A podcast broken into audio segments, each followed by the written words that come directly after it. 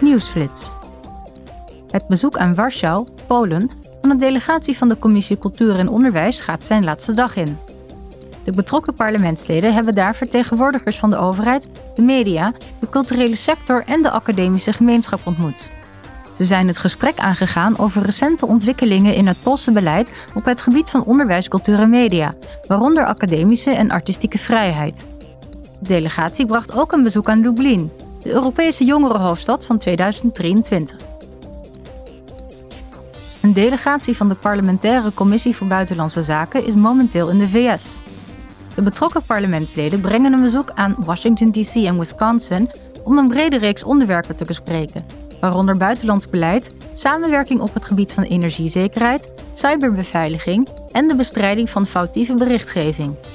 Ze zullen ook in gesprek gaan met ambtenaren van het Amerikaanse ministerie van Buitenlandse Zaken, het Huis van Afgevaardigden en de Senaat, en met vertegenwoordigers van denktanks en non-profit organisaties. Morgen is de laatste dag van het bezoek. Vandaag is de internationale dag tegen homofobie, transfobie en bifobie. Dit jaar is het thema Altijd samen, in verscheidenheid verenigd. De EU beschermt en steunt de mensenrechten van alle LHBTI-personen en wil dat zij deze rechten volledig kunnen uitoefenen, zowel binnen de EU als daarbuiten.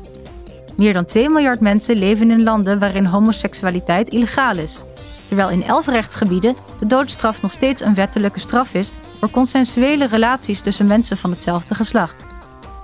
Dit was de nieuwsflits van vandaag. Maandag zijn we terug met meer nieuws van het Europees Parlement.